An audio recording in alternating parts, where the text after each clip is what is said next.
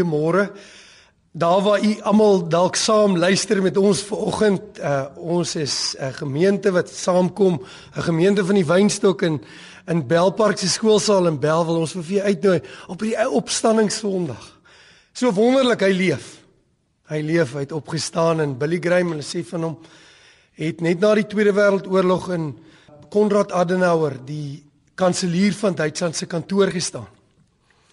En Adenauer het die groot staatsman wat Duitsland weer moes bymekaar trek na al die chaos van die Tweede Wêreldoorlog het uitgekyk oor 'n stikkende stad, stikkend gebombardeer en hy sê vir die jong evangelis Billy Graham sê meneer Graham glo u regtig dat Jesus het opgestaan.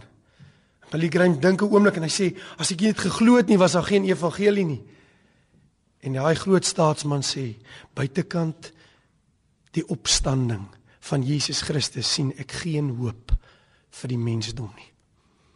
En dis wat ons wil sê buitekant die opstanding van Jesus is daar geen hoop vir die mensdom nie. En kom sluit die oë. Kom ons bid dat die Here regtig ons sal ontmoet in hierdie oggend. Vader, ons bid, ons kom staan voor U. Dankie Here Jesus dat U leef en dat U opgestaan het en dat U 'n realiteit is vir oggend. En ons wil vir U vra dat soos wat ons na u woord luister en soos wat ons met lof bedien uit ons hart uit. Here dat u sal lewend maak deur u gees. Dat u ons sal lewend maak na u woord. Dat u ons sal lewend maak na u barmhartigheid. En dat ons u sal sien as die lewende God in hierdie oggend. Bid vir elkeen wat inskakel deur hierdie uitsending en ons verlange is dat u sal optel en dit doen in Jesus se naam. Amen. Kom ons loof die Here. Christus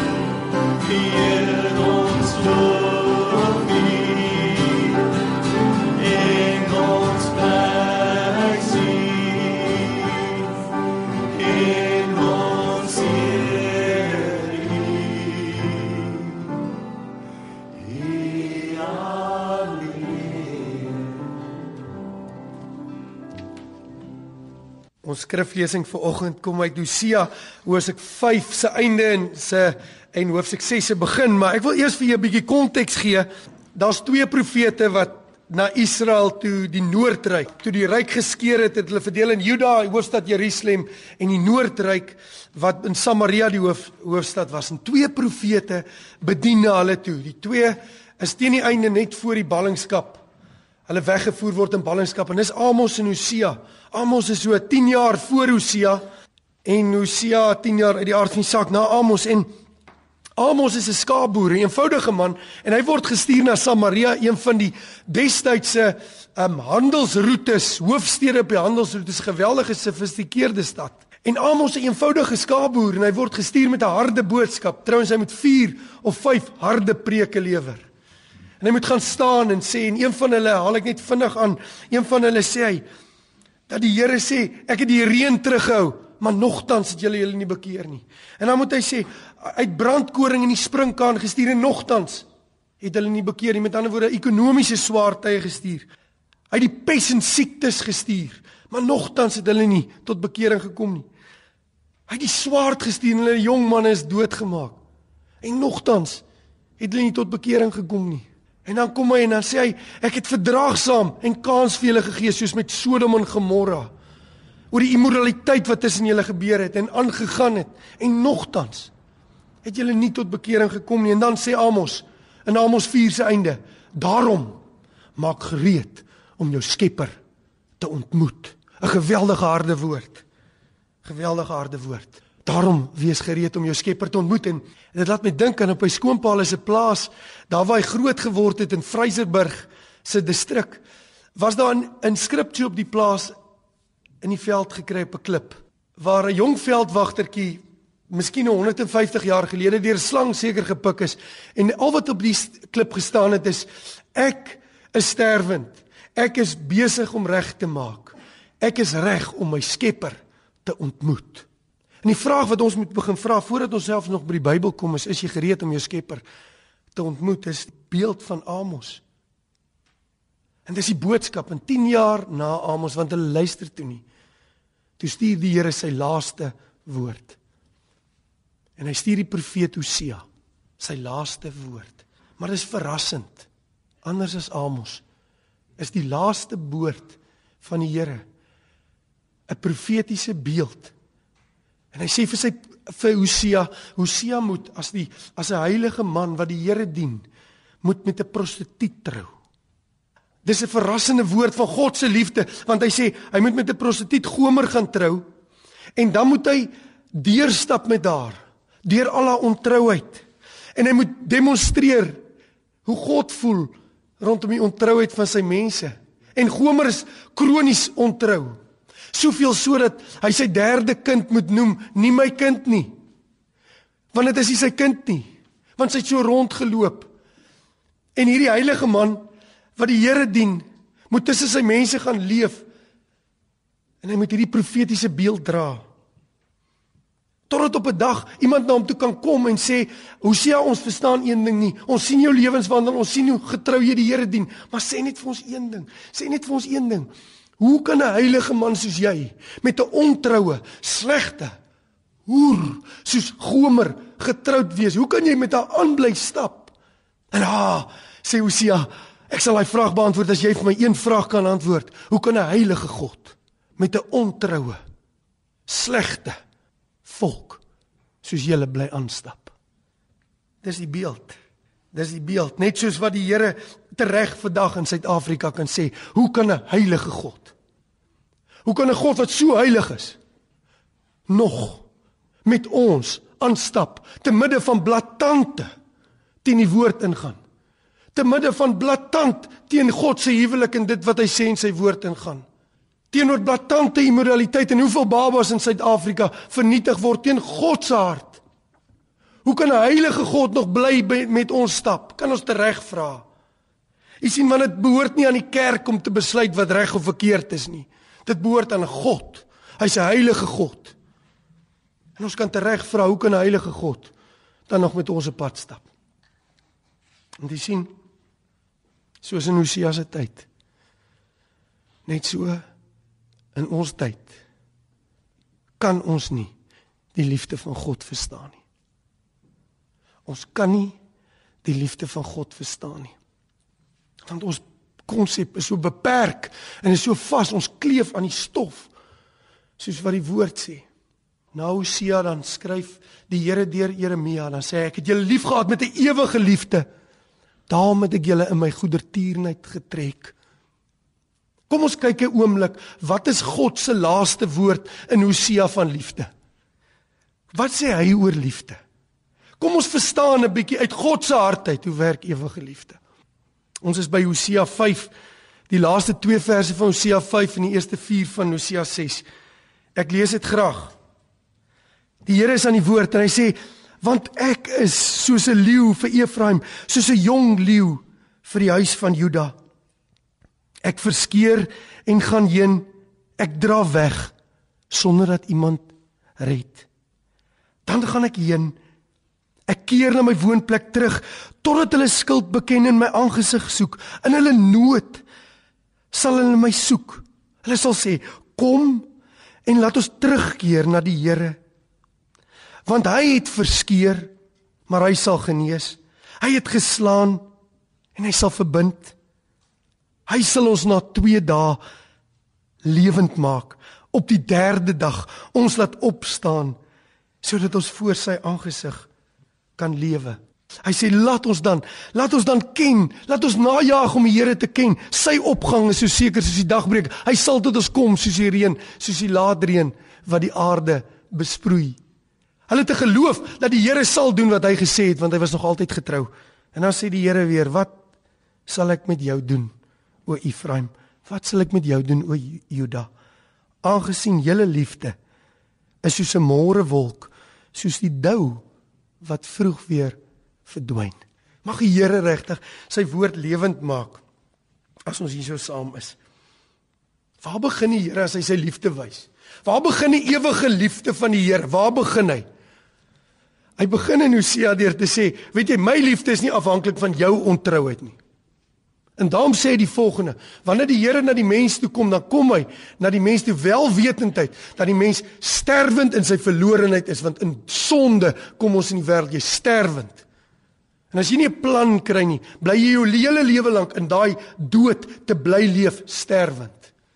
En dan sê hy op 'n stadium As hy geroep het en gesê het kom na my toe, kom na my toe, kom na my toe, dan sê hy, dan kom daar 'n stadium wat die liefde van God jou toelaat om weggedra te word deur die sonde.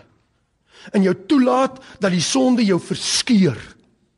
Sê ek wat dit sê in die woord. En dan sê jy jou verskeur. Dan sê hy wanneer dit gebeur met mense en sonde ruk mense en verskeur hulle tot op die punt van dood, weet jy wat? Dan is daar altyd 'n groepie wat na hom toe roep. En sê: "Ah, laat ek terugdraai. Laat ek na hom toe draai." Dis God se strategie om sy liefde te wys. En weet jy wat? Dan as ek terugdraai, as ek opstaan, as ek beweeg, as ek beweeg, dan ontmoet hy my. Dan is hy gereed om jou lewend te maak. Want die evangelie is nie om om slegte mense bietjie beter te maak nie. Die evangelie is om dooie mense lewend te maak. En sê hy maak jou lewend. En dan gee hy jou kans om hom te ken. Ons gaan nou ietsie daaroor sê. So ek hoor mense sê in Suid-Afrika die volgende: God is 'n God van liefde, hy sal nie straf nie. Ek het vir jou nuus meneer. As jy besig is met ontrouheid, sal die Here dit straf. Hy sal toelaat dat jy verskeur word. Hy doen dit want hy's God. Hy sal toelaat dat jy weggedra word en in jou verhoudings verbreek. En jy wat besig is met bedrog of wat 'n ding of sondes in jou hart. Dis die waarheid. Dit het niks met God se liefde te doen nie. Inteendeel, dit is God wat na jou toe wil praat en sê draai na my toe. Dis die hart van die Here. Mense sê as jy van God se liefde praat, moet jy nie van sonde praat nie. Inteendeel, God se liefde begin juis daar waar die mens sondig. Daar waar ons in sonde staan. Dis waar die uitnodiging begin. Want hy wil jou bring by 'n punt waar jy omdraai. Wil jy na hom toe draai? Wil jy na hom toe gryp in jou hopeloosheid, in jou verslaanheid, in jou verlorenheid? Wil hy ook vir Suid-Afrika sê? En dan wil hy jou lewend maak. En ek moet vir jou vra in 'n oomblik, is jy lewend gemaak? Lewe jy? Kan jy getuig dat jy lewe? Nie in die kerk gesit het jou hele lewe lank nie. Daar's baie mense wat dit kan sê, lewe jy? Die taal wat hy gebruik deur te sê jaag na om my te ken is die mees intiemste bruidegom taal. Dis hoekom hy vir Hosea stuur as die as die hartseer bruidegom. Dis taal wat sê ek wil jou ken. Laat ons najag om hom te ken. Daai woordjie is jada. Dit beteken vir jou alles. Die woordjie is jada in Hebreëus. Nee, dit beteken vir jou alles as jy weet wat jada beteken. Die woordjie jada om te ken, kry ons die eerste keer in Genesis waar hy sê en Adam het vir Eva gejada en sy het swanger geraak. Dis die woordjie Jada. Dis die God wat sê ek het 'n verlange om met jou in 'n intieme verhouding te wees. En daarvoor wil ek jou lewend maak, maar jy moet in jou dood opstaan en na my toe kom. Dis die lewende God wat dit sê. Jy weet dit is nie goed genoeg net om beweeg te word of om self 'n traan te stort of om self te voel, "Ag, ah, jy het 'n warm gevoel gekry toe jy gepraat het of jy het net glad nie van hom gehou nie." Dit is nie genoeg om dit te doen nie. Dis nie genoeg om net 'n voorneme te hê te beweeg nie. Vyf voeltjies sit op die draad. Een besluit om weg te vlieg is 'n maklike wiskundige som. Selfs ek kan dit doen. Vyf voeltjies sit op die draad, een besluit om weg te vlieg. Hoeveel bly daaroor? 5. Want hy het net besluit om weg te vlieg, hy het nooit gevlieg nie. Ek weet nie waar jy sit vandag nie. Ek weet nie waar u hierdie woord hoor nie. Maar die Here sê kom. Jaag na my te ken. Ek wil deur jou geken word. Ek wil in 'n verhouding wees met jou. As jy kom, sal ek tot jou kom soos die reën, soos die son wat sal opkom, sê hierdie woord. Presies wat die profeet Hosea gesê het, gebeur etlike jare indien nie in dieselfde jaar wat hy hierdie sê nie. Die Assiriese ryk kom en hulle voer die noordryk van Israel weg die 10 stamme in 'n ballingskap wat hulle nooit weer as daai 10 sal herstel nie. Die Assiriese ryk is die wêreldryk en hy pos families ruk hy uitmekaar uit en hy stuur hulle na verskillende dele in sy ryk toe in ballingskap weg. Hy verskeer hulle, hy maak hulle dood en die Assiriërs was bekend daarvoor dat as hulle stad ingeneem het dan hulle al die leiers se koppe afgekap en 'n piramide daarmee gebou om te sê ons was hier. Die Here dra hulle weg deur die Assiriërs. En daarna Toe vat die Babiloniërs die Assiriese wêreldryk oor. In Juda, die ander neefie, staan aan die ander kant en hulle sê, dit sal nie met ons gebeur nie want die tempel is by ons en wat gebeur? Nebukadneser kom en hy ruk hulle weg in ballingskap. En hulle gaan ook weg. Daniël hulle en die manne. En dan omtrent 200 jaar na hierdie gebeur het, dan vat die Meders en die Perse oor. Dan vat hulle die Babiloniese ryk oor. En dan rig die Here 'n man met die naam Kores op. En dan sê die Here, Jesaja skryf van hom, hy sê, "Al ken jy my nie, sal ek jou gebruik." En die Here rig hom op om die deur oop te maak en van Nehemia en Esdra en hulle terug te stuur. Sodat, weet jy, sodat Jerusalem weer opgesig kan word en uit al die uithoeke, die laaste vers van 2 Kronieke sê, uit die uithoeke van die nasies stroom die wat die Here opgewek het, wat gesê het, "Ek wil najag om die Here te ken," stroom terug na Jerusalem toe na herstel. Dis wat gebeur. Maar jy laas luister gou na vers 4 hierso. Want die Here sê die volgende. Die Here sê dat hulle ontrouheid, hulle liefde, wat sal ek met jou doen? Dis asof die Here sê, "Jo, wat sal ek met julle doen, Efraim? Wat sal ek met julle doen, Juda? Julle liefde is soos 'n môrewolk, soos die dou wat vroeg verdwyn. Julle gaan nie eens getrou bly nie." En dit gebeur ook te so. Minder as 50 jaar na Nehemia hulle die mure herbou en Esra hulle die tempel weer herstel en insit, stuur hy hulle Maleagi en hy sê julle het ontrou geraak soos 'n ou wat van sy jeugliefde af ontrou raak. Verstommend. Presies soos wat die Here gesê het, hy sê kan julle nie hele liefde vertrou nie. En dan stuur hy Maleagi met 'n belofte aan die einde en dan sê maar vir julle wat my naam vrees, weer eens sal die son van geregtigheid opgaan met genesing in sy strale en jy sal vry raak en bokspring soos kalwers uit die stal. Dis wat hy sê. En dan sal vir 400 jaar stilte. Stilte. En dan verrassend, dan kom God se laaste woord. Die laaste woord van God. Maar hierdie keer stuur hy nie sy profeet nie. Hierdie keer kom die bruidegom self.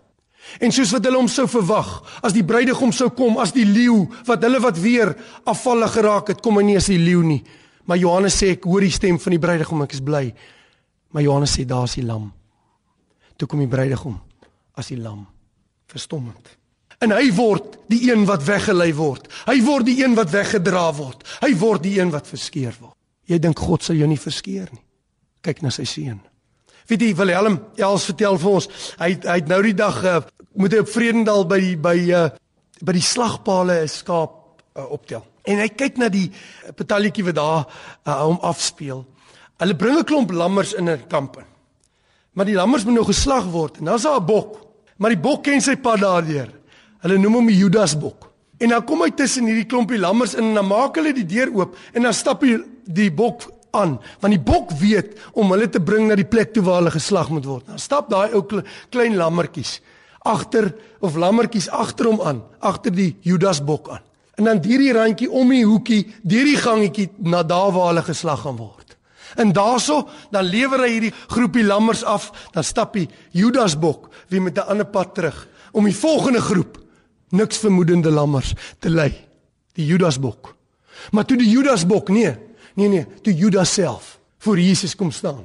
Toe kyk hy hom in die oë, maar omdat die bruidegom kom met 'n doel, weet hy presies wat Judas doen. Judas lei hom nie om die bos nie. Hy gaan willens en wetens saam. Want jy sien die bruidegom het in sy liefde gekom om weggelei te word. Die bruidegom het in sy liefde gekom om geskeer en stukkend ge gebreek te word. En hy word weggelei na Kajefas toe en na Pilatus toe. En die een stuur hom na Herodes toe en terug na Pilatus toe. En Pilatus verklaar hom onskuldig, die lam van God, want hy was onskuldig, maar hy gee hom oor om gegeesel te word. En hy gee hom oor aan 'n Romeinse lektor. Dis iemand wat spesiaal opgelei is, geskool is in hoe om te gesel. En hy het 'n gesel spesifiek gehad, 'n sweep met stukkies been en stukkies skerp klip in. Sodat met elke haal wat hy die gesel slaan, slaan, hy daardie vleis van die persoon wat gegeesel word kan uitruk en hom letterlik kan oopskeur want jy sien hy moet verskeer word soos 'n leeu sy prooi verskeer soos Hosea sê en dan skeer hy hom oop totdat hy hom daai veer te gee en hy soveel bloed verloor het dat Jesus 'n sterk man 'n timmerman nie die vermoë het om sy kruis te dra op met 'n heuweltjie nie en iemand moet gedwing word om sy kruis te dra en agter hom aan te stap en terwyl hy daar stikkend gebreek en 'n massa bloed vasgespijker word. Terwyl skare toe kyk en vir hom dinge roep en hulle kop skud as hulle verbygaan, word hy daar neergesit en Matteus Evangelie sê vir ons die volgende: Hulle het gaan sit, hulle wat hom gekruisig het, en hulle het hom bewaak deur na hom te kyk. Die ergste ding wat met jou kan gebeur is as jy stikkend gebreek en gelei het dat iemand vir jou sit en kyk. En in sy kyk terwyl hulle vir hom kyk ekho die woorde wat Jesus gesê het vir ons as die leser van die evangelie. Juis vir dit het ek in die wêreld gekom. Juis hiervoor om stikkend gebreek te word en om te ly vir jou. Sy woorde ekho die woorde van die bruidegom in jou plek in jou plek om jou te kan terugbring moes ek weggedra geword in jou plek moes ek sonde word sodat hy kan sê kom na my toe almal wat moeg en oorlaai is en ek sal rus gee. Sodat hy dit vandag vir jou kan sê waar jy sit in jou verslaanheid in jou verlorenheid dat die Here vandag vir Suid-Afrika kan sê kom na my toe almal wat moeg en oorlaai is. Dat hy kan sê kom ek wil jou ken. Dat hy kan sê kom ek wil jou lewend maak. Maar weet jy dis mos nog nie klaar nie. Soos Hosea profeties getuig het so van die Here na 2 dae lewend op die derde dag het hy opgestaan en hy kom verskyn Jesus kom verskyn aan 'n groepie disippels wat versla, vreesbevange wegkruip in 'n geslote kamer. En hy vertoon homself as die lewende aan 'n groepie verwardes wat weghardloop na 'n klein dorpie Emmaus toe om net 'n bietjie te ontspan, om weg te kom van die realiteite want hulle is versla en verdwaas. Dan verskyn hy en hy verduidelik, hy's die lewende, hy's die een wat heeltyd nog in beheer was. Hy's die God wat geweet het hy moes weggelei word. Hy's die God wat geweet het hy moes verskeer word sodat hy vir jou kan terugbring. Hy ontmoet 'n Thomas wat nie meer kan glo nie, want hy is in ongeloof. Hy's in ongeloof. Weet hy nie meer hoe nie. Dit is te veel. Hy ontmoet 'n skaam Petrus. Weet jy dis dis die beste vir my. Hy ontmoet Markus, Markus 16 sê die volgende: Toe die engele aan die vroue verskyn, toe sê hulle: "Gaan sê vir die disippels, Jesus het gesê, toe hy nog by hulle was, na hulle hom almal verloon het en weggehardloop, het hy hulle in Galilea kry, want Jesus het geweet hulle gaan hom verloon." net soos wat hy geweet het hy moet aarde toe kom. En hy sê vir die sê vir die vrou, gaan sê vir die disippels, maar sê asseblief besonder vir Petrus. En ek kan net dink Petrus sê, het hy regtig gesê in besonder vir my? Want ek dink op daai stadium kom Petrus soos ek baie keer, nie glo dat die Here nog meer met my pad stap nie. Soos wat jy daar sit. En die vroue sê ja, ek is seker die engel het gesê besonder vir jou. Waar sit u vanoggend? Waar luister u na hierdie woord? Is jy vreesbevange toegesluit in die kamer van die eie vrees? Is jy bang vir die toekoms? Is jy vreesbevange dat jy jou werk gaan nou, jy weet nie van volgende week waar jou werk gaan wees nie. Jy het vrees, jy's een bondel vrees. Jou liggaam gee in. Die siekte is besig om miskien te vreet in jou. Jy weet nie gaan wat gaan gebeur nie en te vrees vir jou, vir wat van jou kinders gaan word. Jy sit met 'n sterk vrees. Hy wil vir jou wys, hy wil jou ontmoet, hy wil in jou kamer saam jou instap en sê ek leef. En omdat ek leef, is daar 'n pad aan die kant die graf. En is daar hoop vir jou vandag?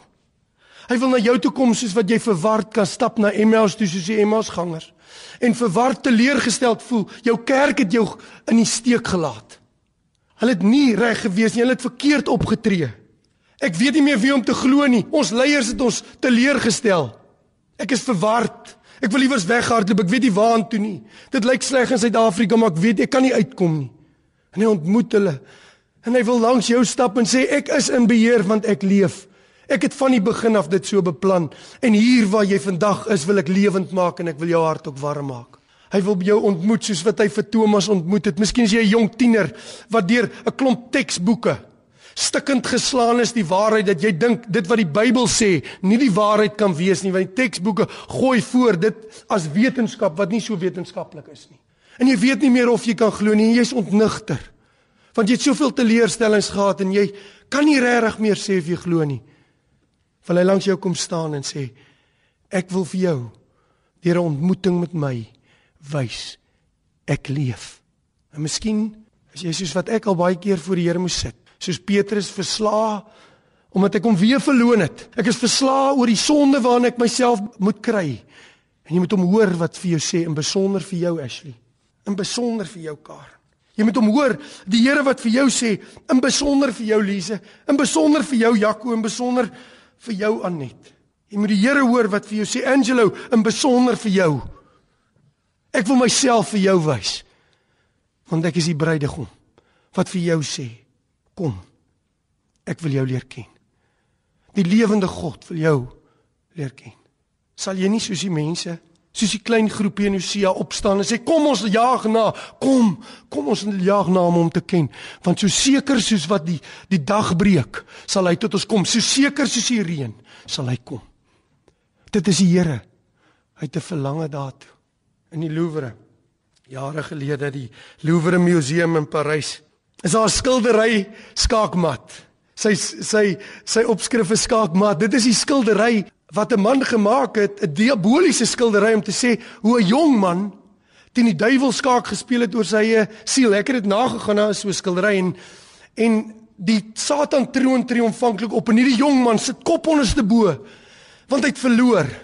In die skildery staan die duiwel op en hy sê hy het gewen, skaakmat. En 'n ou man stap deur die uh, galery En uh, hy kyk na al die skilderye en gaan staan by die skildery gefassineer. En hy kyk op en af en op en af. In die volgende oomblik roep hy uit. Hy sê dis 'n leuen, dis 'n leuen. En die mense kyk op en hy sê weer dis 'n leuen man, kom hier. En later dan kom die kurator van die van die kunsgalery en hy sê meneer, wat is die probleem? Hy sê u verstaan hierdie is 'n leuen, hierdie skildery is verkeerd. Hy sê wat? Hy sê ek is die skaakkampioen van Frankryk. Ek sê vir u Verander die naam van hierdie skildery, verander die skildery, want dit is nie skaakmat nie. Die koning het nog geskuif. En vyf broodjies en twee visse in die hand van 'n seun en 'n menigte wat hy kan eet nie. En almal dink is skaakmat, maar die koning het nog geskuif. 12 mandjies vol. En Daniël is 'n getroue man en hy dien die Here met sy hele lewe, maar land hom in 'n leeukuil en hy sê dis skaakmat, want is hongerleeu's. Maar die koning het nog geskuif. Hy sluit die bekke van die leeu's. En 'n vrou kom na haar sondes. En hulle mag haar stenig. En hulle gooi haar voor Jesus neer en dit is die einde, die verdiende loon van haar sondes, maar die koning het nog geskuif. Hy sê gaan in Sondag nie meer nie. En Lazarus is 3 dae, 4 dae in die graf en hy ryk al en die mense sê as hy gekom het, dan sou dit nie gebeur het nie, maar hy was laat. Maar die koning het nog geskuif. Hy sê kom uit. En 'n ou aan die kruis wat tot op die laaste toe nog vir Jesus verag, kom op 'n stadium en hy besef dis skaakmat en hy sê dink net aan my. Maar is nie skaakmat nie want die koning het nog geskuif. Hy sê vandag hy saam in die paradys wees. En toe Jesus sy laaste asem uitblaas, dink 'n groepie mense dis klaar. Maar die koning het nog geskuif en op die derde dag staan hy op en hy leef vandag nog. En hy wil met jou ontmoet vandag. En ek weet nie wat is omstandighede hier in sit nie. Jy dink is skaakmat en jy dink is klaar en jou kind is verlore en jy weet nie wat om mee te doen nie. En jy voel daar is nie meer plek vir trane nie en jy's in 'n hoek. Maar die koning het nog geskuif. Hy leef en hy wil langs jou kom sit vanoggend en sê ek het nog geskuif. As jy hom net sal toelaat, as jy net sal toelaat om om te doen en te sê kom, laat ons na hom toe gaan. Kom, laat ons opstaan. Kom. Almal wat moeg en oorlaai is en ek sal rus gee. Kom. Sy opgang is so seker soos die dagbreek. Hy sal tot jou kom soos die reën, soos die laat reën wat die aarde besproei. Kom, steek net jou hande na die Here toe uit en sê ek glo dat U leef. Ek weet nie, maar ek glo dat U leef. Gaan op jou knieë, stop jou kar nou daar waar jy is. Moenie iets in jou lewe doen nie, gaan stop en sê ek kom. Ek kom. Hy sal tot jou kom soos die reën soos die laatreën wat die aarde besproei want sy opgang is so seker soos die dagbreek. Hy leef. Hy leef. Vader my gebed my verlange is dat U elkeen sal ontmoet wat in sy vrees vasgevang is en nie weet vandag waartoe om te gaan nie. En vanoggend nie 'n antwoord het nie en al die menslike raad het nie gewerk. Bid ek Here dat mense sal opstaan en na U toe sal kom in hierdie oomblikke net hulle hande uitsteek en sê Here Jesus ek glo dat U leef En ek glo dat U nog geskuif het. Here, ek bid vir hulle wat verward is en wat voel die kerk of leiers het hulle teleurgestel en daarom ver van U af voel dat mense sal hulle hande uitsteek na U toe, daar in 'n kar en 'n trok alleen. Daar waar Jou sit. Dat hy sy hande na U toe sal uitsteek en sê Here, ek kom. U leef. En daardie kinders wat Here, studente wat gebombardeer is met dinge om te sê jy kan nie die Bybel glo nie en amper sy geloof verloor het. Dat hy sy hand sal uitsteek en sal sê ek glo jy leef en van daar af stap ek ver. En Here, daai ou wat verslae sit in sy eie sonde, dat hy by 'n punt sal kom en se besef, Here, ek kan myself nie red nie. Ek draai weg en ek draai na U toe, want U leef, die bruidegom leef. Dankie vir u liefde vir Suid-Afrika en vir die verlore mensdom. En dankie Here dat u nog geskuif het en ons roep om na u toe te kom en my gebed is in ons land Vader dat ons na u toe sal kom en met ons hele hart, ons hele hart na u toe sal kom. Want die bruidegom, die koning lewe en hy wil ons ken. En ek bid dit in die naam van Jesus, ons koning. Amen. As u nou op die eie is, gaan net voor die Here en sê net Here Jesus, ek glo dat U leef. Ontmoet met my. En as jy nodig het om saam met iemand te bid, asseblief bel die nommers. Ons wil graag saam met U bid want hy leef. Hy het opgestaan. Amen. Kom ons loof die Here. God send his son. They call him Jesus.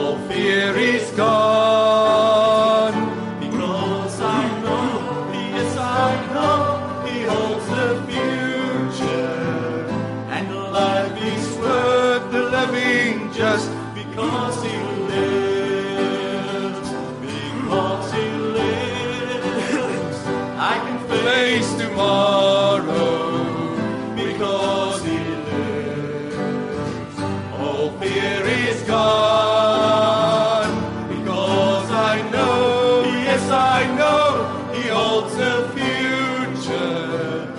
And life is worth the living just because he lives. And life is worth the living just because he